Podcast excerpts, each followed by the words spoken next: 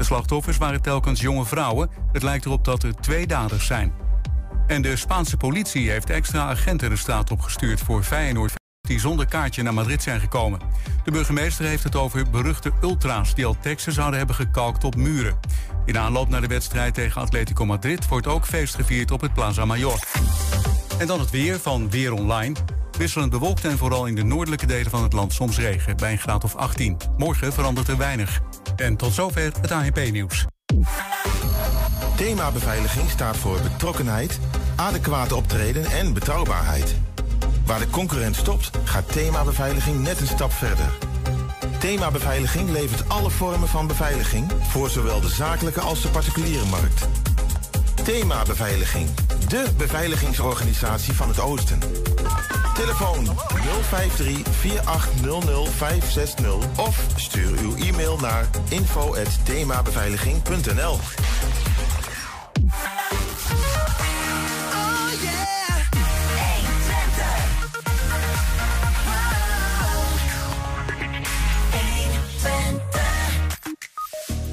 De FC Twente vrouwen speelden voetbalwedstrijden met en tegen bewoners van de Twentse zorgcentra bij de Losse Hof.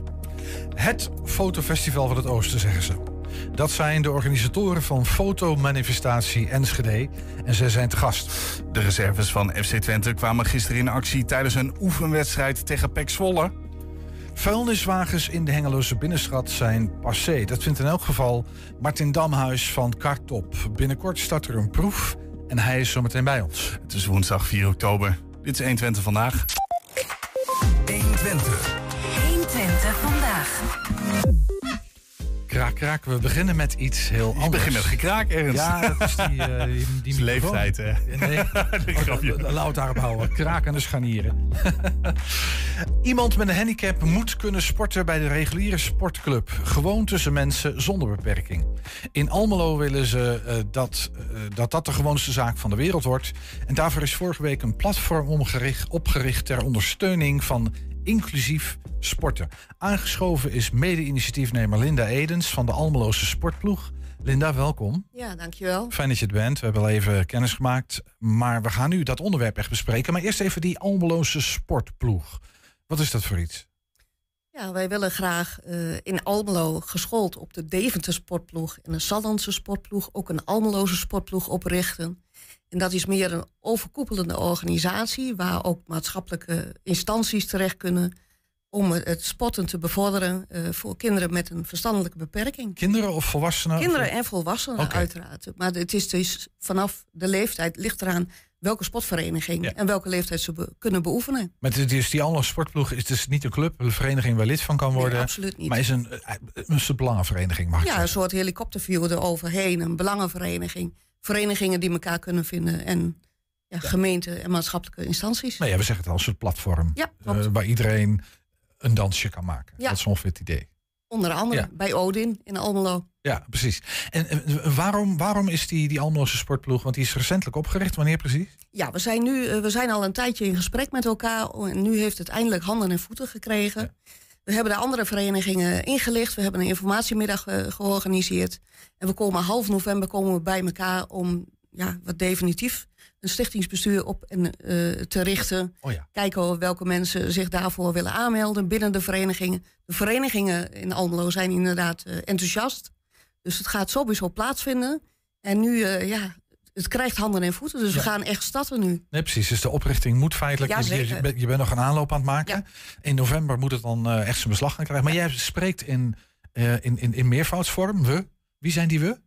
Ja, de, de acht verenigingen in Almelo die intussen al uh, een G-tak hebben, zoals wij dat binnen Almelo ja, formuleren. Het heet als dus G-takken. Die G staat volgens voor mij... gehandicapten. Toch wel, hè? Ja, gehandicapten. En dat is Ja. zowel fys- fysiek als, uh, als verstandelijk. Ja. En dan gaat het over uh, de hockey en de voetbal en het zwemmen. En zo zijn er acht verenigingen in Almelo diverse sporten. Die uh, allemaal nu al, nou ja, ook, sommigen ook al jaren een, een G-tak hebben. En die verenigingen hebben gezegd: wij willen um, nou ja, die belangen van, van dat deel van onze sporters willen we ehm, sterker maken? Willen we eh, een, een Zichtbaar podium zichtbaarder maken? En die hebben zich verenigd en zijn gekomen tot die Almeloze sportploeg. Tot Almeloos. En daar maak jij onderdeel van uit, begrijp je? Je bent Ja. een van de initiatiefnemers, begrijp ik? Klopt. Ik ben zelf eh, de G-tak eh, van zwem- en polovereniging De Venen. Heb ik onder mij. En dat is in februari volgend jaar tien jaar. Dus wij hebben tien jaar geleden de wedstrijdzwemmers overgenomen van de Club Twente in Almelo. Die, En die, en die, heel even, want die Club Twente was al een G-sportclub, zeg maar? Ja, dat is een, een, een stichting, hè, het Meester Siebelinkhuis in Almelo. En die doen eh, die- zeven dagen in de week zijn die open. Ja. En die hebben ook, waaronder ook sport en ook het zwemmen. Maar de jij zegt, wedstrijdzwemmers zijn naar ons toe overgestapt. ja, want jij zegt de wedstrijdzwemmers. Dus dit Ja. zijn G-sporters die in wedstrijdverband zwemmen. En Ja, dan zeker. waterpolo. eh, Nee, alleen het eh, wedstrijdzwemmen. oh, dus alleen geen de, polo. Nee, de- alleen de- wedstrijd. Zeg maar de baantjes even voor de. Ja. en dan. Borstkrol, nou ja, dat soort die, die En verschillende vlinderslag en wisselslag, alles erop en eraan. Maar al En, tien eh, jaar zeg je. Ja, wij doen het al tien jaar. En dat klinkt lang, maar ik weet niet of dat zo is. Ik heb geen idee. Die, wat die hele G-sport. Nou, het bestaat dus inderdaad ook langer. Alleen binnen onze zwemvereniging, en daar lopen dus andere verenigingen ook tegenaan, tegen het kader. tegen het kader. Het kader. En- en- dus en we- eh, ze willen wel, maar ze hebben dan niet de, de, de, het verstand of de, de, de know-how van hoe die mensen te begeleiden. Dus wat gebeurt als het bijvoorbeeld misgaat? Ja, die- Voelt ja. iemand zich verdrietig? Hoe ga je daarmee om? Snap. En bij een reguliere sportvereniging is daar, ja, we weten het allemaal, eh, binnen de sportvereniging is er minder kader, zijn er veel mensen weggegaan. Iedereen roept maar, we moeten vrijwilligers hebben. En om dan ook nog mensen te hebben die meer aandacht kunnen schenken aan de sporters, is vrij moeilijk te vinden. Ja. Dus vandaar dat wij allemaal samen wel een stap, een stap willen maken in, in, in dat proces. Snap ik. Maar dat, ik, betekende dat dan ook dat er. Nou, ik, ik ga het even een beetje. eh, Wat, wat, wat, zeg dat? Wat dramatisch schetsen. Ja, nee, dat dat er allerlei G-sporters die zeiden: wij willen heel graag zwemmen, voetballen, volleyballen, tennissen, eh, basketballen, weet ik wat ze allemaal willen. Maar we kunnen nergens terecht. Was Maar dat? ze weten de weg niet. Oké. De maatschappelijke organisaties, zoals de gemeente en zo, die weten de weg niet. Van, dan komen ze daar en we willen wel, maar die, die kennen ons dan weer Maar, niet. maar heel even, dus er zit een je- kloofje. Ja, snap ik. Maar jullie zijn al tien jaar bezig met, met die G-sporten. En Ja. zelfs op wedstrijdniveau. Ja, wij hebben geen klagen, sorry. Maar Oké, nee, ik wil zeggen. Want, want als je Nee. zegt ze weten de weg niet, dan heb je het dus ook over, over de, nou ja, de instanties die eigenlijk die weg wel zouden moeten weten. Ja, maar niet alle, alle spotters die willen natuurlijk zwemmen. Er Nee. zijn, zijn ook geen mensen die zeggen... Ik, tennis vind ik leuk, papa en mama tennissen ook, ik wil dat ook. En dan heeft zo'n tennisvereniging geen G-afdeling. Nee. En, En waar zit die dan wel? Dat is dan de vraag. Ja, Of precies. is die er überhaupt? Ja, nou zijn, ja, zijn, er nog, zijn er nog lacunes? Zijn er sporters of eh, sporten in Almelo waarvan je zegt... Ja, op tennis bijvoorbeeld. Oké, dat, dat is Volleybal. eigenlijk geen, geen Ja. G-afdeling Nee, voor klopt. volleybal niet. Klopt. En nog meer? Tennis hebben we, volleybal. Wat moet er nog meer komen? Nou, de, ik weet dat judo bezig is. Ik weet dat rugby bezig is. Die hebben allemaal al, al af en toe eens een speeldenprik eh, eh, laten vallen. Maar ja, daar heeft corona natuurlijk weer een stevig stokje voor gestoken. Ja. Dus dat zijn toch wel sporten die eh, ook echt wel prima te doen zijn. En Ja. ook hartstikke gezellig zijn. Ja. Ja, het een prachtige sport, maar Ja. dat geldt natuurlijk voor heel veel sporten. Ik kan me voorstellen dat er veel nou ja, mensen met een beperking denken van... het lijkt me heerlijk om Ja. iets te doen. Kom maar. Maar dan moet er wel een plek zijn. Ja, dat, oké. Maar jij gaf al aan dat dat, dat kader, zeg maar gewoon... eigenlijk vrijwilligers die weten hoe je deze groep moet begeleiden... Begeleiden. dat het daaraan schort, dat is, dat is lastig te vinden vaak. Klopt. Ehm, zijn er nog andere eh, nou ja, dingen waar sportverenigingen... ook sportverenigingen die misschien best wel willen tegenaan lopen? Nou, dat denk ik niet. Het zit hem echt vooral in die In de- begeleiding in de van begeleiding. deze specifieke Ja, groep. het is, het is net even dat drempeltje Ja. waar, ze, waar ze overheen moeten. Is dat, dan, is, is, dat, is dat moeilijk? Vraagt dat veel? Of is dat met een paar zaterdagmiddagen cursussen en regelmatig even bij elkaar komen? Kan je dan heel eind komen als vrijwilliger? Ja, dat, dat sowieso. Maar het gaat vooral om de vrijwilligers. Ja, oké. die dus- gewoon, ja, je hebt extra mensen nodig. Ja. In plaats van dat je een sport, eh, een klein groepje met één coach hebt. dus heb het je nu bijna zo- één op twee. Dus het je moet wat zo- meer vrijwilligers hebben. Ja, het is dus niet zo dat deze groep heel complex is. nee, Per se, niet. dat is best prima te begeleiden als je een klein wat tips en trucs krijgt. Ja hoor. Maar je moet wel de mensen hebben om dat Ja. te doen. En daar, daar schort het een beetje aan. Dat is de grootste, ja, de grootste bottleneck Ja, in dit verhaal. precies. Ja. Helaas. En, en eh, hoe, hoe staat Almelo ervoor als het gaat om... Want ik, ik, dit, we hebben het nu over Almelo. Hè, maar hoe, eh, weet jij hoe dat zit in de rest van Twente? Kijk even naar Hengelo, Enschede, andere grote steden. Ja, wat, wij, wat ik weet is dat Almelo de meeste verenigingen hebben. En ook de meeste diversiteit in sporten. Mhm. En dat daar inderdaad in... Want we hebben dus ook wel mensen een aanvragen uit Hengelo bijvoorbeeld. Enschede is dan misschien net te ver qua Mhm. zwemmen. Maar ik weet wel dat er ook mensen van buitenaf gewoon naar Almelo komen... om die verenigingen op te zoeken die een G-sport aanbieden. Kortom, in, in Almelo ligt nog een missie, maar eigenlijk in heel Twente. Ja, in heel Twente sowieso. Ja. Uiteraard, Special Olympics vorig jaar heeft een grootse impact gehad. Ja. eh, veel ambassadeurs gehad. Misschien heel even dat- voor de mensen die dat, die dat niet weten. Die Special Olympics zijn Olympische Spelen voor G-sporters. hè? Klopt, dat is de derde Olympische Spelen. Dus de, de reguliere Olympische Spelen, de Paralympische Spelen En dan heb je de, G, en de Special, Olympics. Olympics. Ja. En vorig jaar stond die editie, of de afgelopen editie, stond in het teken van nou ja, dat, dat geïntegreerd sporten. Hè? Dus Ja. G-sporters ook in normale verenigingen. Niet, niet, niet in, een, nou ja, in een hok op de hei ergens hun eigen ding doen, maar gewoon onderdeel van een sportvereniging. Eh, eh, hoe, hoe belangrijk is dat geweest? Ja, belangrijk. Ik denk dat heel veel mensen eh, in Twente nu hebben kennis gemaakt met de mogelijkheid tot. En dat, ze, dat de sporters ook daar en de coaches daar zoveel plezier aan hebben. Mhm. Dat, dat het gewoon kan. En dat je daar niet al te moeilijk over doet. En soms zijn het maar hele kleine dingen. En lukt het niet bij zo'n G-afdeling, dan ga je naar de reguliere. Dan kun je daar sporten, ga je daar lekker voetballen. Ja, En lukt het net niet, dan kun je met je coach en met je ouders overleggen. Nou, probeer het daar eens. Dan gaat het net even iets makkelijker. Ja. Maar dat betekent dat, dat er sportverenigingen die misschien iets van die Special Olympics hebben meegekregen of dat hebben gezien, een Ja. beetje aangestoken zijn met dat vlammetje. Dat die eigenlijk een beetje op zoek zijn naar van nou, we zouden dat best wel willen, maar hoe, hoe moeten we dat dan nou precies doen? Kijk, en daarvoor zijn, willen we dus een platform oprichten, tenminste binnen Almelo, van ja, waar kan ik met mijn vraag terecht? Ja. En dan kun je bij ons terecht. Klinkt, klinkt tof. Waar, waar, waar komt jou, want jij bent al tien jaar bezig met, met, eh, met zwemmen dan. Waar komt jou eh, persoonlijk, eh, bedoel, hoe, hoe, komt het, hoe ben jij daar in dat? Eh, In dat G-sporten gerold? toen mijn kinderen klein waren en al meededen met de miniorenwedstrijden, ik ben een, kom dan wel uit de zwemfamilie. En dat is in de leeftijd van 8 tot 12 jaar. Mhm. Toen deden er al mensen met een beperking mee. En dat was dus de wedstrijdgroep van de club. Dus dat was niet alleen in Almelo, maar die wedstrijden die zwem je dus in Twente. En dus die kinderen van die leeftijd, tussen 8 en 12, zijn allemaal al, die zwemmen tenminste, toen al in contact gekomen met mensen met een beperking die ook zwemmen. Hadden we ook visueel beperkt erbij. En ja, dat zijn nu dus de jongeren en, en de jongvolwassenen die eigenlijk ook daar enthousiast in zijn. En zo ben ik daarbij gekomen. En Want jij, jij zag dat, jij kwam in contact met. ja, met ik ben ook official bij het zwemmen. En dan word, word je ook wel eens gevraagd om bij zo'n wedstrijd te klokken. Dus ook bij de NK. En hoe vond je dat? Ga, ga eens terug, tien jaar geleden. Ja, dat je. is fantastisch. Ze hebben als, als, als zwemmen ze als laatste, komen ze als laatste aan in hun serie, dan zijn ze nog blij. En dat, dat positieve, ja, dat heb je soms niet bij het reguliere. Dat, ga- dan gaat het er iets strakker aan toe. Daar hangen de hoofdjes. En dan, eh, dan moet het even gebeuren. Dan, dan gaat het Ja. echt om, in competitieverband. En dit is echt van laatste zwemmen. Laatste voetballen met elkaar. En dan, ja, dan lopen daar 22 spelers in één klein hoekje van het, van het veld. In plaats van dat ze allemaal netjes op de rij en 3-4-3 spelen en zo. Ja. Maar dan hebben ze wel plezier met elkaar. En Ja. daar gaat het om. Is, het- want dat, we, hebben dat, we noemen dat een beetje geïntegreerd sporten. Hè? Dat is een beetje het begrip. Het, eh, toch als je dat zo zegt, heb ik ook het idee. Dat, dan doemt bij mij het beeld op dat G-sporters samen met sporters zonder een beperking eh, in dezelfde competities. Maar zo werkt het niet. Hè? Het blijven wel aparte takken van sport. Of is dat niet zo? Dat kan ik, kan ik alleen voor het zwemmen beantwoorden. Mhm. Ik weet niet hoe het zit met de andere sporten. Wij hebben inderdaad een meerkamp eh, qua zwemmen. Er zijn dus zes verenigingen in Twente die dus een, een G-tak bij het zwemmen hebben. Bijvoorbeeld het Ravijn, nou, bekend om het waterpolo. Maar die hebben ook het zwemmen en die hebben ook een G-afdeling. Dus daar zwemmen we mee. Ja. We zwemmen ook met Raalte en we zwemmen met eh Lossen. Ja.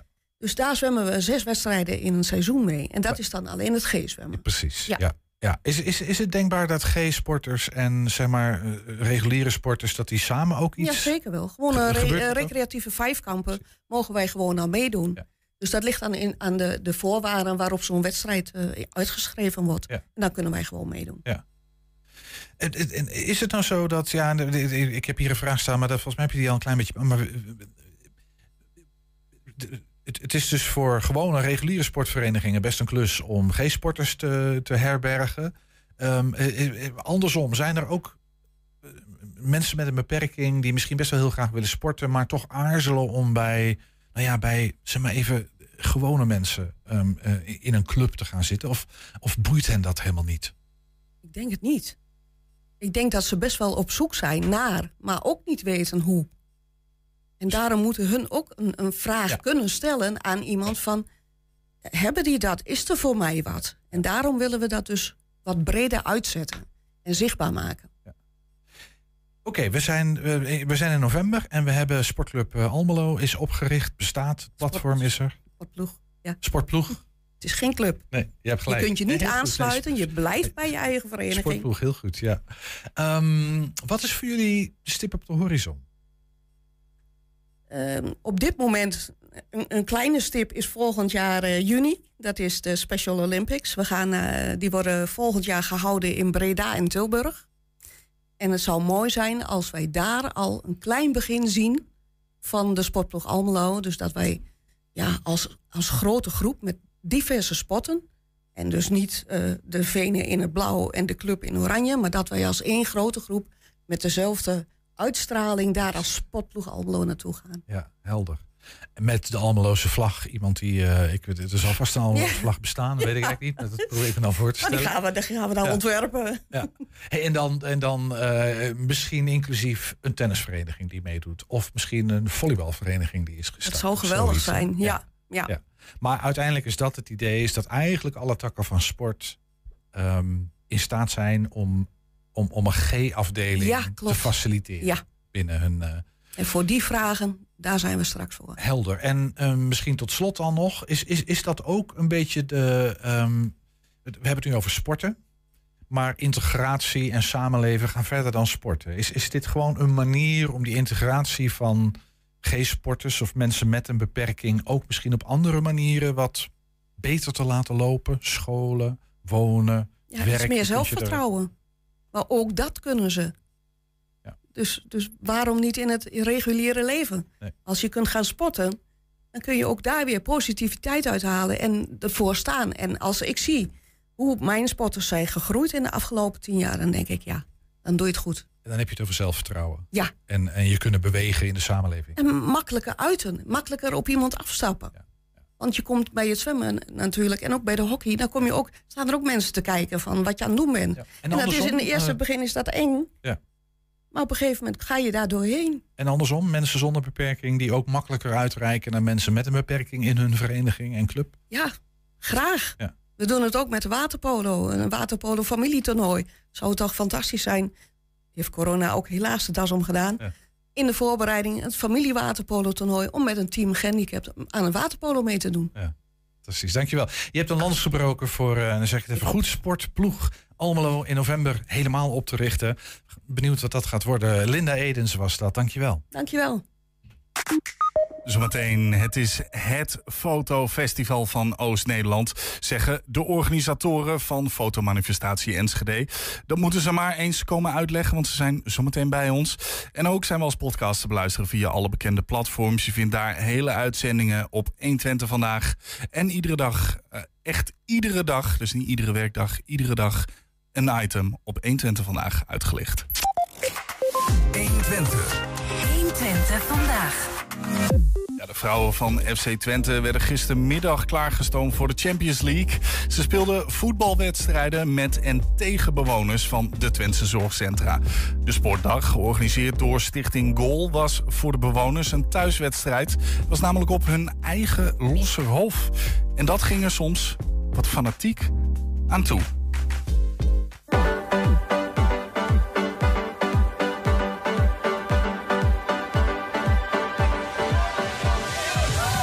Gaan een hele gezellige middag maken met de bewoners.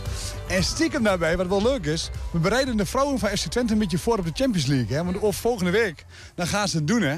Dus eh, ja, en hoe gaan we ze op scherp zetten? Nou, door deze leuke middag te organiseren. Samen met de bewoners van de Lossenhof, van de Twente Zorgcentra... gaan we gewoon, ja, kijk eens, wat een plezier hier. Nou, dat gaan we doen.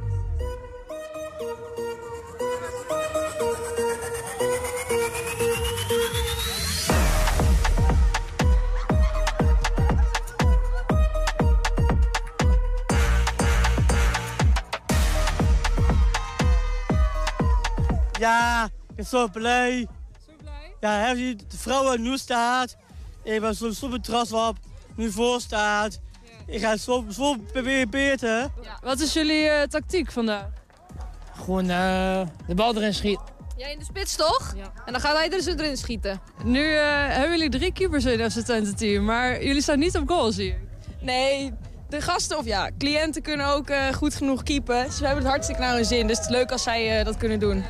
En jij durft het wel op te nemen tegen die FC Twente vrouwen? Tuurlijk durf ik ook nemen.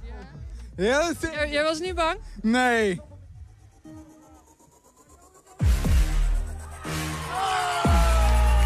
Ik staat hier een beetje vals met zitten die uh, dame met een karretje bij. Ja, zo kan ik zeggen. Zo kijk het ook. Daarna die goal verplaatst. Die denk hier, lekker vals spelen. Wordt gewoon vals gespeeld. Zo werkt het niet, hè? Wat? Ze een kapitein in het team? Ja, die vind ik wel knap, ja. Die vind je wel knap, oh. En, uh... We zijn vandaag even op date, hè? Ja. Nou, wij zijn uh, met Silver City sponsor van Stichting Goal. En ik heb ze eigenlijk uitgedaagd om te zeggen... joh, ik wil graag een evenement organiseren voor gehandicapten met de FC Twente vrouwen. En uh, dat is gelukt. Dus uh, ja, het is super gaaf. Ik, uh, ik werk zelf bij Scorende Wijk. En um, nou, ik heb natuurlijk korte lijns met, met de FC Twente vrouwen. Dus vandaar dat ik, dat ik dit mooie project samen mag organiseren. Ja. Dus... Hoe ben je daar zo terechtgekomen? Um, nou, ik had eigenlijk alleen het voetballen, wat ik, waar ik me op focuste. En ik dacht, ik heb eigenlijk de middag en de avond vrij. Dus ik ben gaan zoeken naar een baantje en dat kwam toevallig op mijn pad. En dat beviel wel, ja. Handtekeningen aan het verzamelen? Ja. Ben je fan van alle Twente-spelers? Ja. Wat vind je ervan om ze nu eindelijk te zien? Geluk. Heb je ook een hond? Ja, ik, ja, ik heb ook een hond. Ook een Een border collie. Jij? Ja, die hebben we ook gehaald. Leuk. We hebben, we hebben ook een golden, hele mooie. Mooi zo. We gaan vandaag gewoon voetballen en niet over honden praten. We moeten winnen vandaag. Ja, winnen.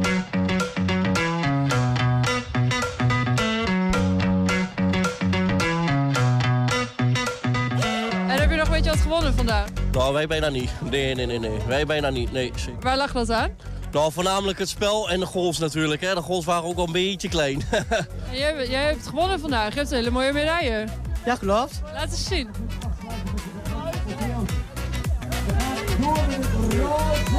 Ben je trots? Ja, super trots. Als je dit nou hoort, al die, al die lachen op hun gezicht is echt, uh, echt fantastisch om te zien. Ja. Ja. Voor mij zijn dit de twee mooiste dingen die samenkomen, zeg maar. Hè, mijn team uh, loopt hier uh, te genieten. En uh, mijn andere passie, het FC Twente en de vrouwen, het vrouwenvoetbal.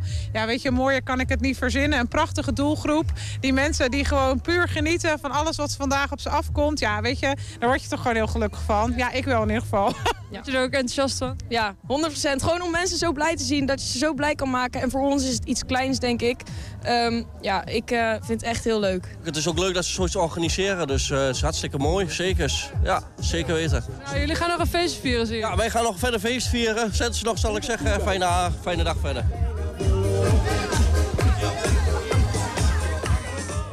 Ja, dat laatste wil je dan toch al horen. Hè? Engelbewaarder, een, volgens mij een van jouw favoriete nummers, toch, Ernst? Engelbewaarder, waar heb jij het over? Over dat mooie liedje aan het einde van de video. Och, heden. Ja, tuurlijk, Julian. Helemaal. 120. 120 vandaag. Van engelbewaarders naar iets heel anders. Niemand kan er straks omheen in Enschede. Is een manifestatie van talent binnen de fotografie zal de stad overnemen. Komende zondag 8 oktober tot 19 oktober staan allerlei ruimtes in het teken van hedendaagse Nederlandse fotografie tijdens de fotomanifestatie Enschede.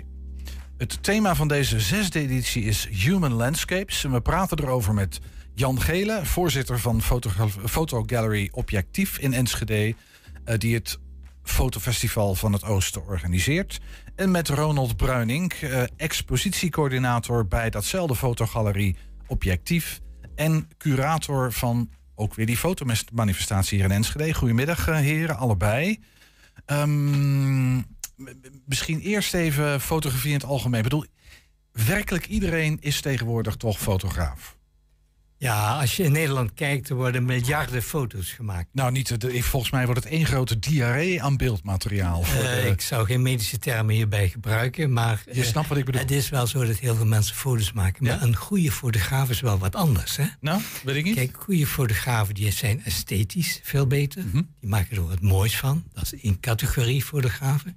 En de andere categorie, dat zijn mensen die documentair werken die ons dus dingen laten zien die we anders nooit zouden zien, omdat zo'n camera razendsnel is natuurlijk. Kijk, kijk maar naar die iconische foto's van het meisje in Milai met, met napalm. Of het foto van het jongetje die aan kwam uh, gedreven op het strand. Want een van die migranten uit, eh, uit eh, Noord-Afrika. Ja, foto's Dus dat die- zijn die- die foto's de zijn- emoties van de wereld Ja, die laten ons dat zien. opgeroepen. En je hebt fotografen, en dat is heel anders dan die mensen die steeds met hun mobieltje rondlopen, die een project maken. Die duidelijk een idee hebben, ik wil dit laten zien, zodat iedereen eh, begrijpt hoe dat in elkaar zit. Dat zijn dus meer of meer fotojournalisten, documentairisten. Mhm. Ja. Nou ja, ik, ik, ik denk dat ik best wel snap een beetje wat je zegt. Maar ik stelde de vraag toch wel een klein beetje omdat in dit tijdperk van beeld en van in, nou ja, e- enorm veel. Blijft die fascinatie voor kennelijk hè, voor vakfotografie, voor de betere fotografie. Ehm, waar komt die fascinatie? Is, is die sterker geworden in de afgelopen tijd? Heb je. Misschien is dat een beetje de vraag. Die is sterker geworden, denk ik. Om, om te midden van Ja, al ja. die meuk het goede materiaal eruit te halen. Ja, maar het goede moet je natuurlijk zien. Hè? Maar er zijn fotografen, zoals Eddie van Wessel bijvoorbeeld in Nederland, die eh, in, in oorlogsgebieden gaat en ons laat zien wat daar allemaal gebeurt. Mhm. En hij is uiteraard niet de enige. Eh, dat zijn mensen die eh, de fotografie op een heel hoog niveau stellen. En maar een tegenstelling daarvan heb je natuurlijk ook lui als Erwin Olaf. Ja, die veel ik- esthetischer zijn. Ik wou het misschien zo meteen nog even daar, daarover hebben. Maar ik vroeg me wel even af, wat, wat, wat is, het is misschien een moeilijke vraag om te beantwoorden. Maar ik ga hem toch stellen. Wat is nou het verschil dan tussen, want jij noemde Eddie van Wessel. En volgens mij, ik kan me er iets bij voorstellen. Dat is niet alleen de moed van een man om loopgraven in te gaan. Maar is ook de manier waarop hij foto's maakt. Wat onderscheidt nou een goede fotograaf van de kiekjesmaker? Is, is, valt daar iets zinnigs over te zeggen? Of is dat, is dat ook maar een beetje, ja, dat moeten we bij de borrel bepraten. En, Nou, eh, de goede vraag fotograaf gaat naar die plekken waar wat te doen is. maar dat kan je ook één. met je mobieltje. Dat kan de kiekjesmaker ook. Misschien een beetje. Die weet goed te selecteren wat een belangrijk beeld is. Die weet de compositie goed in orde te hebben, Mhm. zodat je echt je kunt focussen op dat wat er aan de hand is. En die weet vaak ook een serie foto's te maken, zodat je dan eh, veel beter inzicht krijgt wat er daar gebeurt. Ja. Nou, Volgens mij zitten we een klein beetje in de, in de richting, kijk even naar jou, in de richting van de missie van Foto, Fotogallery. Is het Fotogallery, Gallery, wat zeggen jullie zelf? We zeggen altijd fotogalerie objectief. Misschien de microfoon even goed de voor je- microfoon voor in je- je mond houden, Ja. Fotogalerie objectief. Ja, precies. Maar dat is denk ik een beetje de missie hè, van zo'n fotogalerie, is om het betere fotografiewerk eh, zichtbaar te maken, om Ja. tentoonstellingen te Ja, organiseren. we hebben altijd wel als ehm, stelregel dat, wat Jan net ook al zei, dat het wel een projectmatig geheel moet zijn of een serie moet zijn, dat het een verhaal eh, vertelt. en eh, ja, de losse kiekjes wat je zei, dat kan iedereen tegenwoordig wel maken, maar eh, de kunst is dus eigenlijk dat je het, ehm, ja, dat het een verhaal is, dat het één geheel is. En dat de beelden bij elkaar passen en dan de volgende stap is natuurlijk dat het technisch ook goed is en qua compositie ook goed is. Ja. Eh, Dat zijn allemaal, eh, want wat is dan goed? Dus, Maar we gaan misschien zo meteen hebben, want ik ben wel even Ja. benieuwd naar aanleiding van nou ja, de fotomanifestatie die eraan komt. Hoe je dan cureert. Maar fotogalerie, fotogalerie objectief. Hoe lang, hoe lang zit het Enschedeze Walstraat en hoe lang zitten jullie daar? Het zitten eh, dit jaar, dat is eind dit jaar in november, bestaan we 35 jaar. Gaat dat gevierd worden? Bescheiden. Bescheiden. we hebben een, een speciale expositie aan het einde van het jaar. Maar verder niet. Kan daar iets eh, over verklappen? Wat voor speciale eh, expositie eh, wordt dat? nou, ik weet eigenlijk niet of we dat al moeten doen. Maar, Doe maar, doe maar. ehm, Geef ons een Nou ja, we gaan een ehm, normale expositieperiode is eh, zes weken. En we gaan een dubbele periode doen. En dan eh, komen de Polaroids van eh, oud-Enschede, inmiddels overleden eh, David van Veen. En eh, ja, die is bij heel veel, met name oude Enschede's, eh een bekende fotograaf. En eh, ja, die fotografeert eh, landschappen, maar toch ook wat meer op het randje, zal ik maar zeggen. Dus veel dames. en, eh, maar het, het mooie van dat soort van zijn fotografie is dat het dus echt Polaroids zijn. Hè. In die tijd was natuurlijk Polaroid Enschede, de fabriek was hier nog. Inmiddels ook wel weer, maar in die tijd ja, heeft hij zich helemaal toegespitst op de Polaroid-fotografie. Dus daar gaan we dan een, ja, een bijzondere expositie over. eh, van, eigenlijk hebben we een selectie gemaakt uit, zijn, uit al zijn werk. Ja, dat klinkt super interessant. Ik ben erg benieuwd naar die. eh, en dat gaat ergens eind dit jaar plaatsvinden. Ehm, nog één vraagje. En dan gaan we ook echt even naar de, naar de fotomanifestatie. Want daarvoor zitten jullie hier. Ehm, de- de- de- die fotogalerie objectief. Je had het over die Enschedeze fotograaf met die Polaroids. Ja. Eh, Hangen, hangen jullie werk van, ex- van- fotografen uit Oost-Nederland, uit Twente of uit heel Nederland of de Nou, hele wereld? Wat, nee. zit daar een beperking in? Nou, we richten ons wel op de Nederlandse fotografie, dus eh, Nederlandse fotografen. Maar niet specifiek eh, uit Twente. Misschien juist wel niet. Met name met de fotomanifestatie. Dan ja, willen we toch eigenlijk wel zien dat we nationaal bekende fotografen eh, richting Enschede halen. Oké, dus de, de, en- maar ook Twentse fotografen? Of, of, Er zitten ook een paar moeten Twentse die, moet- moeten die maar ergens in, in de Randstad hun gallery zien te vinden? Nou, dat niet. Maar ehm, het is ook niet specifiek dat we alleen mensen uit het Westen hebben. Maar ehm, het punt is dat de meeste fotomusea die zitten in het westen van het land. En het is eh, best lastig om eh, nou ja, nationaal bekende fotografen naar, eh, naar Enschede te halen. Ja, maar andersom. Het is, want, want Enschede en, en Twente er lopen best wat goede fotografen rond eh, in deze streken. En die, Eh, eh, exposeren, we, die exposeren we ook wel eh, tijdens onze gewone eh, exposities, zeg maar. Die komen lastig in Den Haag terecht natuurlijk. Eh, Dat Ja. zal niet meevallen. Ja, dat klopt. Maar eh, nee, we, met de fotomanifestatie is het echt... eh, nou, proberen we nationale fotografen te krijgen. En bij onze reguliere exposities ook wel Twentse fotografen. Ja, nou ja, je bent ook beperkt qua ruimte en tijd wat je precies kan hangen natuurlijk. Dus je moet keuzes maken, dat snap ik. We gaan naar die fotomanifestatie toe. Ehm, het, het, jullie noemen dat het fotofestival van het Oosten. Dat is tamelijk pretentieus. Jij begint al een beetje te lachen. Nou ja. Waar, waar, waar- waar baseer je dat op? Waarom is, waar- waarom is dit het? Nou, het is, het is niet eh, pretentieus, maar... ehm, eh, het is een feit. Het is een feit. Is- want- maar- maar- wat zijn de feiten? Noem ons de feiten.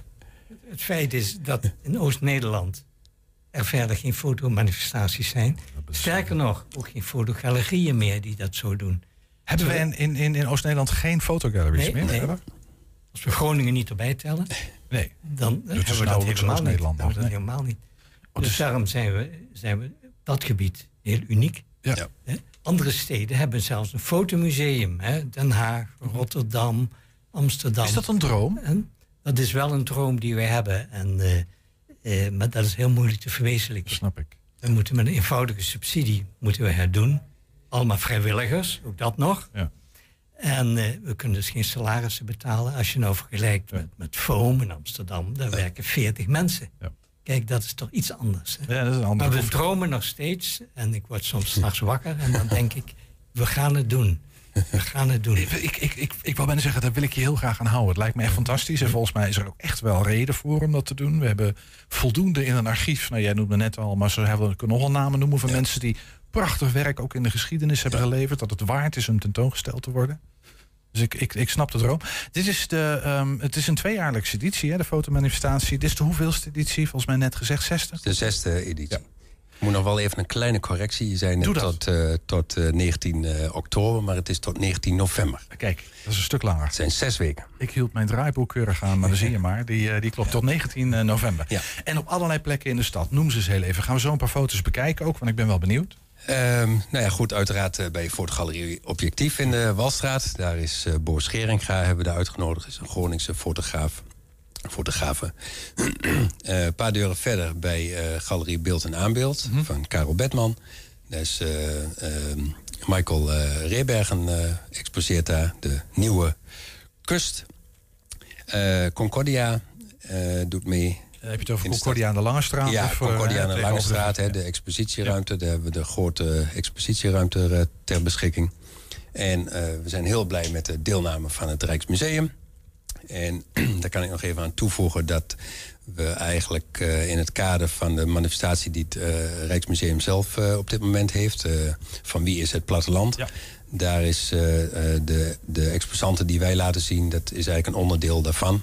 En ehm, dus de fotomanifestatie maakt ook eigenlijk deel uit van die eh, manifestatie van het Rijksmuseum. Ligt ook een beetje voor de hand, kan ik me voorstellen. Human Landscapes. Eh, ik, ik kijk even naar jou. Wat, wat, wat, wat moeten we ons daarbij voorstellen, Human Landscapes? Dat is door, door de mens vormgegeven land, is dat waar het over gaat?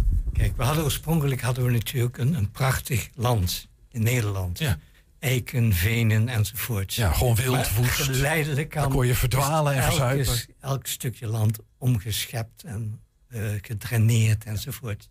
Dus de mens heeft dat landschap op een, op een geweldige manier geattaqueerd. Sommige delen zijn nog prachtig, andere delen, ja, dat is gewoon eh, woestijn, mono- monocultuur van groene woestijn. Dystopisch, Dystopisch, ja. dat kun je zelf zeggen. En dat hebben, we, dat hebben we als mensen gedaan. En het mooie is dat dat onderwerp, eh, Terra Libera van de Rijksmuseum, focust zich erop. Gaat ook de discussie aan daarover. Dat doen ze heel mooi. En bij het begin, toen wij met hun gingen praten over de fotomanifestatie, zeiden ze: We hebben al een onderwerp. Dat is dat platteland, wat we daarmee aan misdaan hebben. En toen eh, hebben wij de human landscapes eraan, eraan gekoppeld eigenlijk. En eh, dat betekent dat een deel van de fotomanifestatie in het Rijksmuseum is. En het andere deel in de bekende locaties die Ronald juist noemde. Ja, Hel, jij, jij zei net misdaan. Dus laten we even naar een paar foto's gaan kijken. Dit is een foto van eh Bo Scheringa. Ehm, wat zien we? Ja, we zien hier, dit is geen Nederlands landschap, eh, stel ik me zo voor. Of het moet ergens in Limburg zijn, maar zelfs Het dat... is, eh, in Ierland, het is een eh, turflandschap. ah, dit is nog turf. Ja. Dat had ik zo niet gezien. Maar dat is dat, ooit deden wij dat hier natuurlijk ook, hè? Ja. Volop. Ja. Oké. En maar- want jij, maar, maar jij had het net over dat we ons landschap iets hebben misdaan, maar misschien toch soms ook wel. Het is niet alleen maar ellende, eh, toch? Er ook, zit ook schoonheid in. Of? Er zit zeker nog schoonheid hier en daar. En het is ook heel nuttig geweest natuurlijk om er landbouwgrond van te maken. Want anders hadden we niks te eten. Alleen is het erg doorgeschoten. Men natuurlijk. moet ergens van eten natuurlijk. Ja. Ja. Ja. En, en eh, turf gaat over eh, warmte natuurlijk. Hey, ehm, eh, hoe cureer je dit soort beelden? Want, want eh, nee. Ja, je, je moet bepalen welke foto's je opneemt in zo'n in zo'n manifestatie. En, Nou, en de- waar let je dan op? Nou, de- we eh, cureren in principe de fotografen aan de hand van het thema natuurlijk. Dan zoeken we de, de fotografen bij die daar een interessant eh, thema of een, interessante serie voor hebben. We zien nu een foto van fotogroep Fotofever. En dit is de façade van een gebouw dat me wel vaak bekend voorkomt. Ja, Rotterdam, hè? De Ja, dat is- Boymans. Boymans. ja. ja. Oh, het is de Boymans natuurlijk, ja. Dit is die, eh, de, de, de, de Eh, depot van Boymans, depot van dat nieuwe ja, depot. Ja, ja. Met gespiegeld, een beetje een soort, ja, een enorme spiegel. Met daar op de stad geprojecteerd, glas. Nou ja, gespiegeld glas, spiegelglas moeten we zeggen. Ehm, ook op een zekere schoonheid. We hebben hier Aida Smits. Dat lijkt een, dat is een behoorlijk bewerkte foto van een bloem, bloemetje. Ehm, nou ja, het is, het is een eh, cyanotype, dat is een bepaalde fototechniek. Ja. En eh, daar heeft zij zich eh, in gespecialiseerd. En zij hangt bij het Arendsmanhuis hier op Roombeek. En ja, dat is een, we vinden het altijd wel interessant om ehm, eh, ja, toch verschillende typen fotografieën te laten zien. En dit is eigenlijk een hele oude techniek die zij nog steeds toepast. En eh, de serie die zij gemaakt heeft, dit zijn eigenlijk, of de hele serie zijn allemaal eh, planten of bloemen uit het eh postcodegebied eh 1064 in Amsterdam. Ja. En eh, dat is eigenlijk wat ook de, de serie maakt. Hè. Dus eh, zij heeft echt een afgebakend geheel en daar heeft ze een hele serie over. En, en dan gaat het eigenlijk over de bloempjes en de plantjes die nog voorkomen in, een, Ja. in de betonjungle van Amsterdam. Ja, Nou, dus, dus binnen ons, ja, dus eh, binnen ons thema past dat eh, prima. En eh, ook dat ze dan dus die andere techniek gebruikt. Ja. We hebben hier, en dan praten we wel even verder hoor. Maar dit is een foto van, van Ilja. Ja, moet je het even goed zeggen? Kolosovs. Het is, eh, Oké, Ilja Kolosovs. Ja, is Ehm, dit is een, ja, het is, het is Enschede Zuid, uh, Westerlebrink. De façade van een flat, een galerijflat. Ehm, strak, rechte lijnen. Ja. Nou ja, deze fotograaf hebben geselecteerd omdat hij een serie had over eh Enschede Zuid. Is dit een Enschedese fotograaf? Ja, overigens? ja, het is een eh, buitenlandse stu- student. hij Ja. komt eh, uit, uit Letland. Tellen we gewoon mee. En ja, maar hij studeert hier aan de AKI, Mixed Media geloof ik. En een van de onderdelen is, is fotografie. En deze foto's zijn uit 2022, in de, nou ja, zeg maar de coronatijd. En eh, heeft hij zich eh, gefocust op, eh, op Enschede Zuid. Hey, en en misschien nog eentje. En dat is die is een, foto van een stal. Ik weet er niet precies van, wel, van wie de fotograaf is. Maar Julian kan die zo. Kijk, deze. Dit is ook weer zo'n beeld dat je wel wat aan denken zet. Toon Koehorst is Ja. dit. En dit is een. Ik denk een soort vrije, vrije loopstal voor de koeien. Maar het Ja. is duidelijk een, ja, een bijna industriële constructie. Ja. Met wat grond, wat aarde eh, aangebracht. En daar lopen koeien in Ja. rond. Alsof het vrije natuur is, maar helemaal ook weer niet. Ja, dat is eigenlijk ook het veranderende landschap. Hè? Dat nou in dit geval de koeien niet buiten lopen, maar eh, overdekt. Ja. Toon Koerhorst die hangt in het Rijksmuseum met zijn serie Substraat. En hij heeft van 2018 tot 2023 een, eh, een serie gemaakt over, eh, ja, de veranderende uh, veeteelt en landbouw. Ja. Hoeveel fotografen doen er mee? Um, acht. Je, je moet vertellen, ongeveer. Twee, vier, zes, ja. acht. Ja. Acht fotografen. Ja, maar bij één fotogroep. En hoeveel hebben er ingezonden?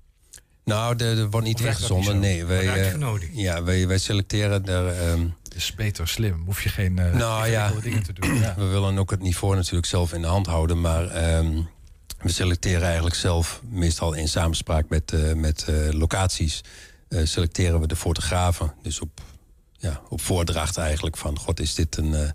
een goede fotograaf voor jullie locatie? En dan brengen we ze met elkaar in contact en ja, wordt er geëxposeerd. Ja. En, ja. en onder deze acht, hoeveel Enschede'ers stellen we? En dan, dan mogen studenten uh, tellen we allemaal Nou mee, ja, de, uh, of, of Il, Ilja Twente, dus. Dan even Twente naar. Ja, nou ja, goed. Ilja is natuurlijk dan uh, ja. een, een, buitenlandse student hier uit Enschede.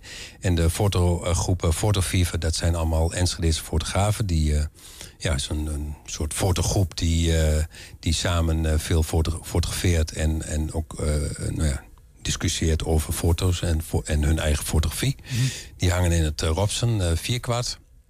Uh, dus dat zijn allemaal uh, Enschede's, of in ieder geval tukkers. Ja. en met in die bij Galerie DD hangt, die komt uit Hengelo. Dus er zit toch ook nog wel wat, wat Twentse fotografen bij. Ja, wat missen we nog in Twente? Kijk even jou aan. Als het gaat om fotografie, wat vind je? Wat, wat, wat is nog een lacune waar dat is een hele goede vraag. Ja, ik stel hele goede vragen. Ja, dat, is, dat valt me al op. Kijk, eh, wat, we, wat, wat, wat we missen is een, een nog veel grotere fotogalerie. Waar we veel meer kunnen doen. Ja. Betere financiering, dat is één ding. En uh, wat ook heel belangrijk is, we hebben nu een bestuur van uh, geroutineerde uh, fotoliefhebbers en fotokenners en fotografen. Maar er moeten ook wat jonge lui bij komen, vind ik. We hebben hier een Aki. Hè. Er zijn veel artistieke mensen hier. Zo'n bestuur wat de sturing geeft aan, ze, aan, ja. de, aan de fotogalerie. Ja, moet ook moeten niet alleen jongen, oude grijze mannen zijn. Die, inderdaad, dat, ja. dat is, die zijn wel heel wijs. Zeker. Maar ze moeten ook mensen, we moeten ook mensen hebben die veel jeugdiger zijn. En dus even dat tegenaan willen schoppen. Er, ik, ik, ik, kijk even jullie. Zijn jullie fotografen of zijn jullie fotoliefhebbers? Of allebei een beetje? Of, uh, waar zit dat? Ja, al, allebei. Allebei, allebei. Allebei, allebei. Allebei, allebei. Ja, oké. Okay. Uh, tot slot dan toch nog even postmortem. Ik kon er niet omheen. Maar uh, Erwin Olaf, je noemde net al eventjes uh, overleden. Twee weken geleden zeg ik even ja. uit mijn hoofd. groot Nederlands fotograaf. Of is die misschien een beetje... Um, is, is dat wat overtrokken? Het is ook heel gestileerd wat hij doet, hè? Ja, Zou jij hem hangen in Fotogallery Objectief? Oh, zeker. Hij heeft ja. er ook gehangen. In zijn jonge jaren heeft hij er gehangen. Later hebben we dat nog een keer geprobeerd. Maar toen had hij heel ruig werk, hè? Dat was niet zo gestileerd. Ja, dat, nou, dat is het interessante van de man. Hij, hij heeft, heeft, ook een missie met zijn fotografie. Ja. Hij, de, uh, dat weet hij heel goed te brengen in het begin. En uh, daarvoor is hij heel belangrijk geweest in Nederland. Mm. En later is hij veel esthetischer gaan worden. Ja. Die grote groepsportretten die hij gemaakt heeft, die zijn heel anders weer.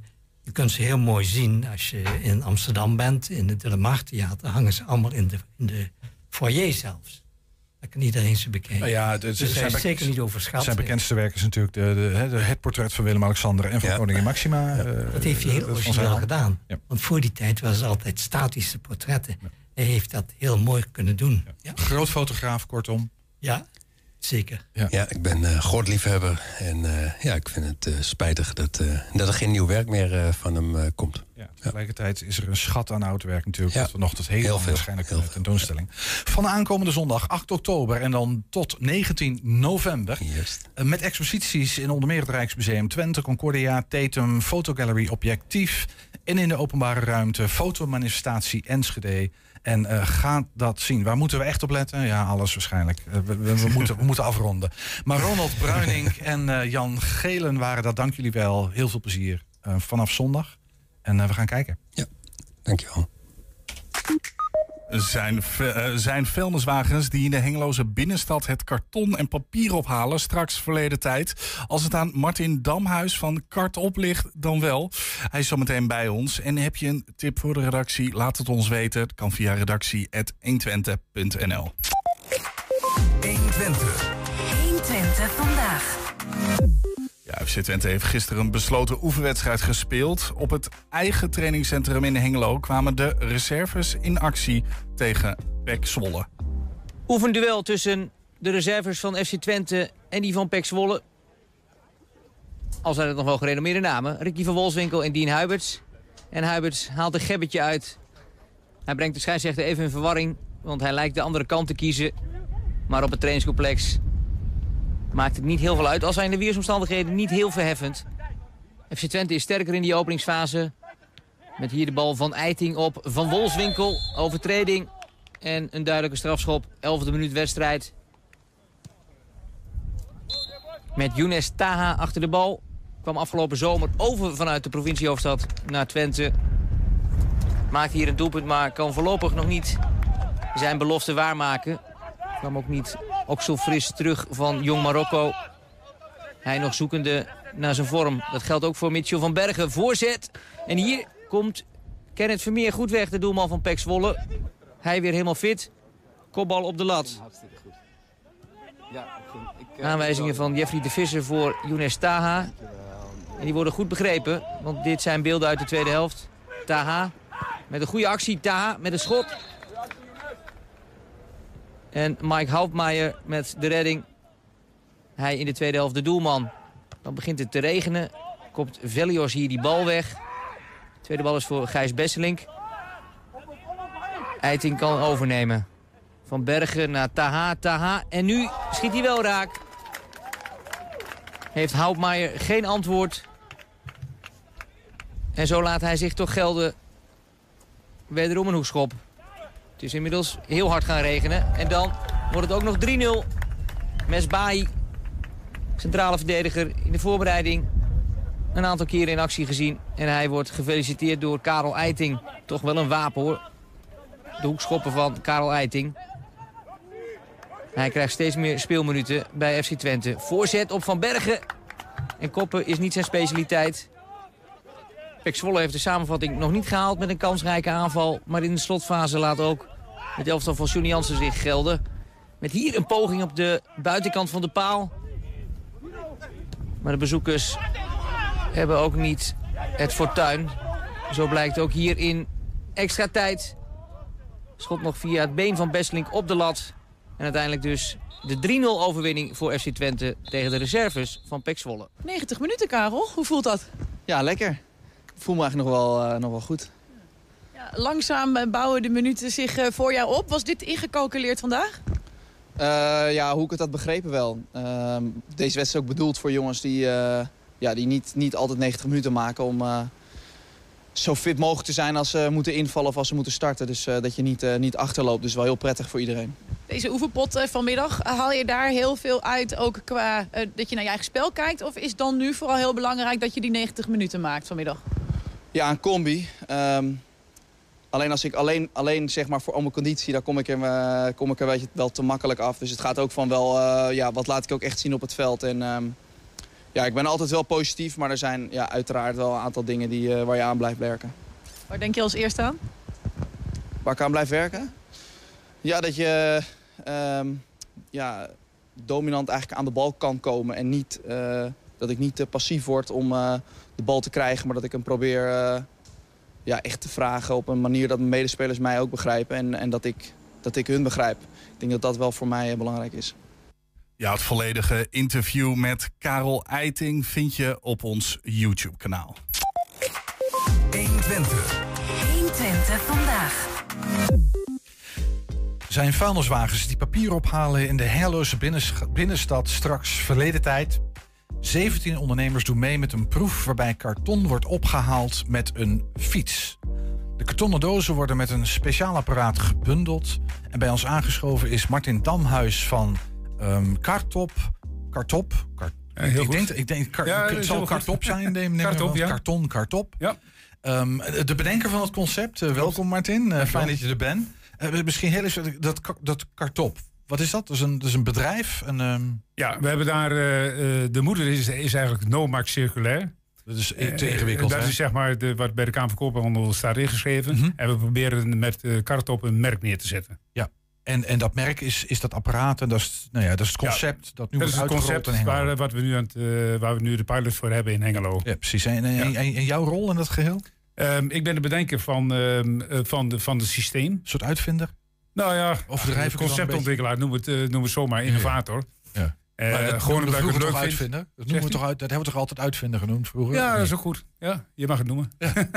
Maar jij hebt dit, eh, dit systeem bedacht? Ja. Ehm, van het project in Hengelo? Of, of is ja, dat, ik heb, dat eh, zal ik je vertellen. Ik, heb, eh, ehm, ik ben eh, afkomstig van eh, Knol Recycling Hengelo. Daar ben ik eh, voormalig directeur geweest. Ah, Eh, vorig jaar daar vertrokken. En eh de bleef, bij Knol bleef er altijd een nichemarkt bleef erover. En die nichemarkt, dat was met name eigenlijk de eh, centra van binnensteden.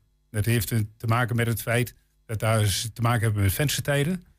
En, En venstertijden zijn ehm, tijden wanneer er wel en niet in wanneer de, wanneer de auto's zeg maar, in het centrum mogen. Ja. eh, voordat zeg maar, de voetgangers en de bezoekers zeg maar, het centrum overnemen. Ja. Ehm, dus ik heb eigenlijk ook bij Knol aangegeven. Ik, zeg, nou, ik zeg, als ik dan wegga, wil ik graag dit, dit idee meenemen. Ik ga het verder uitwerken. En eh, jullie schakelen ik alleen in om zeg maar, het karton uiteindelijk dan verder voor de recycling eh, op te halen. Helder. En dat is eigenlijk dus, dus je, je, je noemt heel specifiek die binnensteden, omdat het daar wat lastiger is. Daar kan je niet, niet de hele dag met vuilniswagens rond, rondrijden. Eén, ja. even, even los van, van het feit dat je dat misschien in de toekomst überhaupt niet meer wil. Ja. Dat moeten we een beetje anders doen. Eh, en jij hebt een concept bedacht.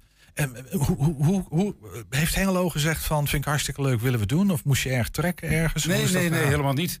Ehm, dat heeft te maken met het feit, de centrummanager, daar kwam ik mee in contact vanwege het feit dat ik gewoon een simpele vraag gesteld heb.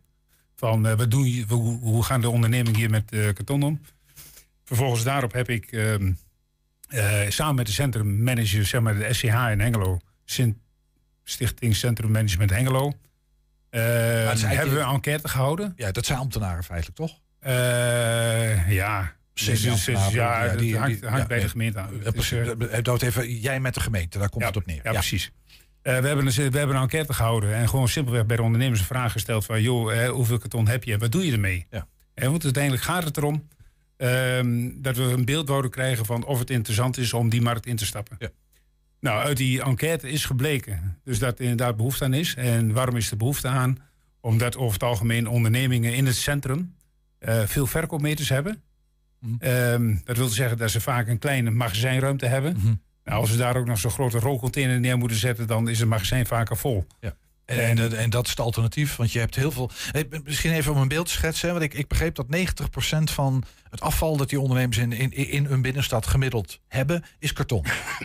allemaal, allemaal, allemaal verpakkingsmateriaal. Ja, het is, ehm, Dus eh, dat, is, opgebouwd. dat is gigantisch, echt heel veel. Ja, er is echt heel veel karton in. in, in, bij de, in ieder geval bij de detailisten, bij de ondernemers. Ehm, je moet je voorstellen, de, eh, alle leveringen die ze krijgen, die krijgen ze over het algemeen in karton binnen. We hebben er een beeld bij. Ja. ja en eh, vervolgens daarop zitten daar vaak ook weer onderdoors of in de doos weer in. Of er zit plastic in. En dus bijvoorbeeld een overhe- overhemden, die zitten weer in plastic ingestoken. Dus al met al heel veel afval. Ja. Ja, dan in combinatie met die, ehm, met, met die kleine magazijnruimte...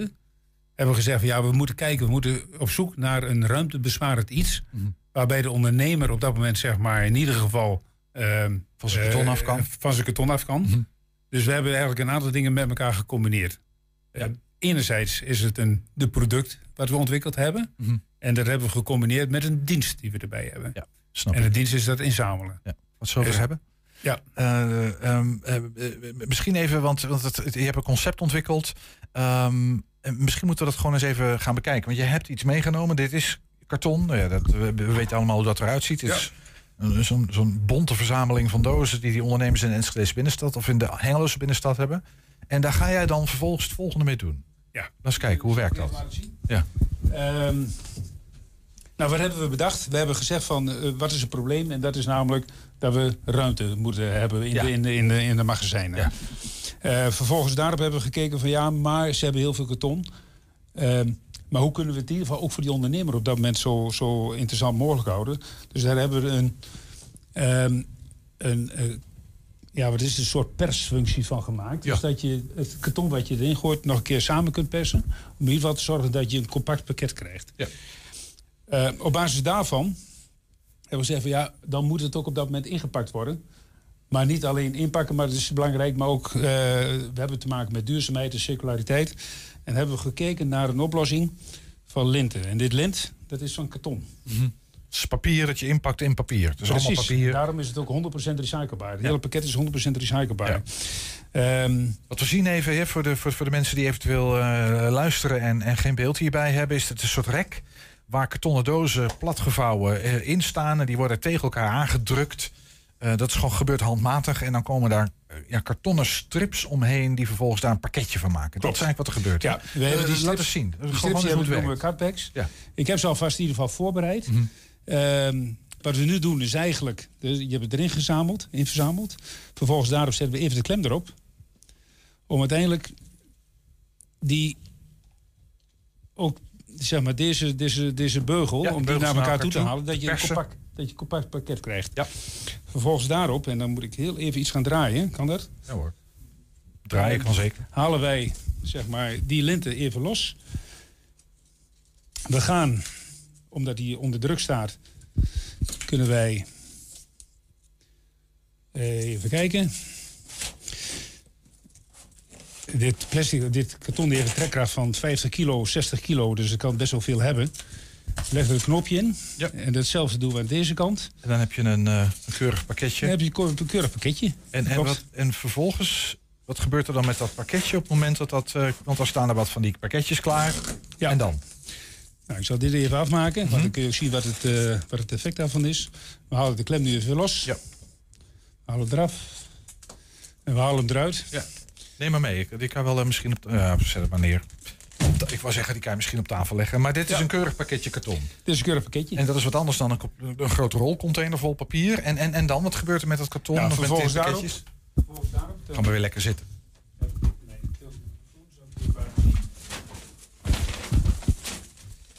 We hebben een, eh, een app ontwikkeld. We hebben een app ontwikkeld. Ja. Waarin, eh, en dat zie je hier ook zitten. Een QR-code op dat rekje. Mhm. En dan gaan we Dan Mag, mag, mag dat wel heel even in de microfoon? Of moet ik even bijspringen? Nou, dit, die, de, de, de QR-code wordt, wordt gescand eh, in die app. Er wordt een QR-code. Mag je, de- daar is de camera, kun je hem naar boven houden. En dan Oh, krijg je op je telefoon. Dan ga ik even laten zien wat we, wat we ontwikkeld hebben. Uiteindelijk kom je dus in die app. Mhm. En je geeft aan, we noemen die, eh, die linttassen, die noemen we al cutpacks. Om het mooi Nederlands woord. Mhm. Ehm, vervolgens daarop zeg je van, joh, ik heb de twee van de drie van die dingen staan. Ja. Dan geef ik het even aan, oké. Wanneer moeten we ze op komen halen? Maar Ja. dat is juist de grap van het hele verhaal. Het is helemaal on demand. Ja. Dus op het moment dus dat wij... Dus de winkelier ehm, zegt, ik heb nou zat van die pakketten staan. Ja. Ik, ik, eh, de- ik heb ruimte nodig. heb moet er ruimte vanaf. nodig. Dan schakelt hij de app in en dan komt er iemand halen. En hoe een dag later komt iemand eh, die... Oh, een dag eh, later. dag later. Ja, oké. Nou, we hebben een samenwerking hebben wij opgezet met eh, de SVB. De sociale werkplaats in Hengelo. Ja. Daar is iemand beschikbaar.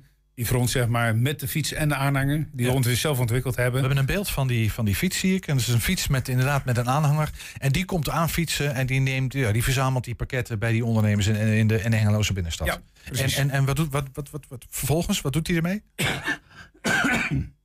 Vervolgens daarop, we hebben een, een microhub aan het rand van het centrum. Daar hebben we vergunning van gekregen van de gemeente Hengelo. Een verzamelplek waar Daar is een soort eh, container, is dat een grote container. Eh, daar fietst hij naartoe.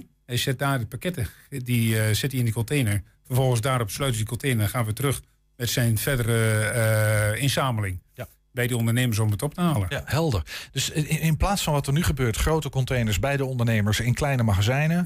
En die worden opgehaald door Denk Twente Milieu. Eh, nee, nee, nee, zeker niet. We hebben twee dingen. De, de ondernemers, in, zeg maar, normaal gesproken is het zo dus dat de ondernemers die hebben een, eh, moeten zelf een, commer- een commerciële partij zoeken om hun afval af te voeren. Dat is bij wet geregeld en dat geldt voor heel Nederland. Maar Dus deze in dit geval afnemer die haalt het op. Ja. In ieder geval, Ja. normaal gesproken. Dat is Ja. wat er nu gebeurt. En eh, in dit concept wordt het naar de rand van de stad ergens in een, bij een verzamelpunt gebracht. En wordt het vandaar weer verder verwerkt in ieder geval. Maar dat is het verschil. Ja. Eh, ten opzichte van. Ben je nog vriendjes met die commerciële ondernemer die het papier ophaalt nu in de Hengeloze binnenstad? Ach, weet je, het is, ehm, kijk, wij zitten met name eigenlijk niet bij de hele grote partijen. En aan de andere kant, eh, een goede samenwerking kan natuurlijk ook. Dat is op zich eh, is alles mogelijk. Zo, zo werken we ook samen met Knol. Dus wat dat betreft is het ook prima. Hoe, en, en eh, heel even voor jullie, want, want jullie zijn een, com- een commercieel bedrijf uiteindelijk. Wat is het verdienmodel? Hoe werkt dit? Ja, we hebben daar, eh daar wordt ons altijd gevraagd, hè, van joh, hoe, waar haal je je geld We vandaan? zijn Hollanders, we zijn ja, koopmannen. Precies, precies. nou, we hebben ehm, onze standaard en ons bin- inbindsysteem, dat is gepatenteerd. Dus daar hebben wij de recht ook op. Mhm. Ehm, ons, met name ons verdienmodel zit hem in die, eh, in dat, in die lintassen, zeg maar, in het inbindsysteem. In combinatie met een abonnement op die standaards. Ja, en, en, En, gemeentes eh, en, en het uiteraard is- niet te vergeten die Ja, want we hebben, we hebben nu een proefperiode hè, in Hengelo. Wanneer gaat die starten? Eh, komende, week, komende week gaan we starten. We hebben afgelopen maandag hebben wij de, de, de, de officiële aftrap gehad. Ehm, nou, dus de standaarden die zijn allemaal bij de proefpersonen of bij de pilotdeelnemers zeg maar, zijn ze neergezet. 17 ondernemers. Dus wij de 17 ondernemers en ze zijn nu bezig om het eh, te verzamelen. En we hebben gezegd, van, nou, daar hebben we echt wel een week voor nodig om in ieder geval eh, eh, karton bij elkaar te verzamelen. En dan vanaf komende maandag gaan wij op pad. En hoe lang duurt de proefperiode? Hoe lang gaat het De lopen? Mhm. proefperiode is drie maanden. Ehm, dat is voor ons eigenlijk ook om een beeld te krijgen van wat doet het in die drie maanden. Mhm. Dat we echt een objectief beeld krijgen van ehm, waar moeten we dingen bijschakelen, waar moeten we veranderen. waar Werkt het, werkt het niet? Is het handig? Doet de app het wel? Ja, Eh, dat ja, soort dingen. Nou, gewoon eigenlijk alles. En met name ook om te kijken van ja, hoeveel, hoeveel karton heeft die ondernemer werkelijk. Want ze noemen het wel, maar ze weten het vaak helemaal niet. En wij registreren alles. Die, Echt, die pilot is ook voor bedoeld om, ehm, om data te verzamelen. Het volume van karton. En, en eh, dit is, ja, nou, we kunnen nog heel lang over het recycleverhaal, maar dit Oh, gaat ja. over karton.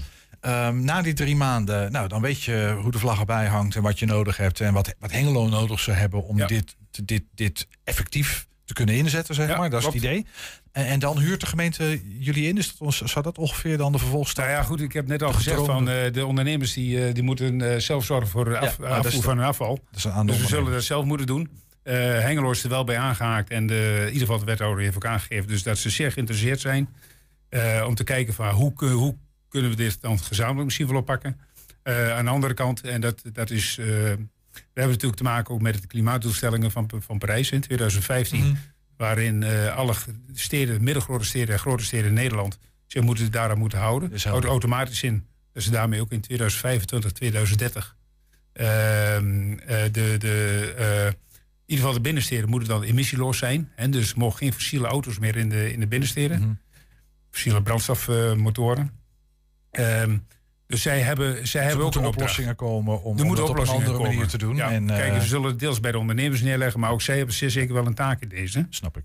Ja, tegelijkertijd, maar goed, daar gaan we het niet over hebben, wordt het ingewikkeld. Maar ik bedoel, dat afval moet vanaf dat, dat, dat punt aan de rand van de binnenstad wel weer ergens anders heen gebracht worden. Ja. Eh, uiteindelijk moet je een bepaalde hoeveelheid afval vervoeren.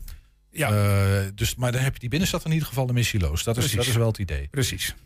Martin Damhuis was dat. Uh, Dank je wel over een nou ja, nieuwe methode in de Hengeloze binnenstad om karton en papierafval eh, af te voeren. En dan ook nog wel emissieloos. Drie maanden proef. Helemaal goed. Je bent een Dankjewel. proef, Martin. Ja, dankjewel. Dat is mooi. En daarmee zijn we ook aan het einde gekomen van 120 vandaag. Terugkijken, dat kan direct via 120.nl vanavond 8 en 10 ook op televisie te zien. En zometeen op de radio en ketting met de kettingreactie. Wij zeggen in ieder geval veel plezier en tot morgen. 120. Weet wat er speelt in Twente. Met nu het nieuws van 5 uur. Goedemiddag, ik ben Jeroen Hazewinkel. D66 en de Partij voor de Dieren willen een onderzoek naar het oorlogsverleden van Bernard. Nu er keihard bewijs is dat hij lid was van de partij van Adolf Hitler, meldt het AD. De Joodse organisatie SIDI wil ook antwoorden van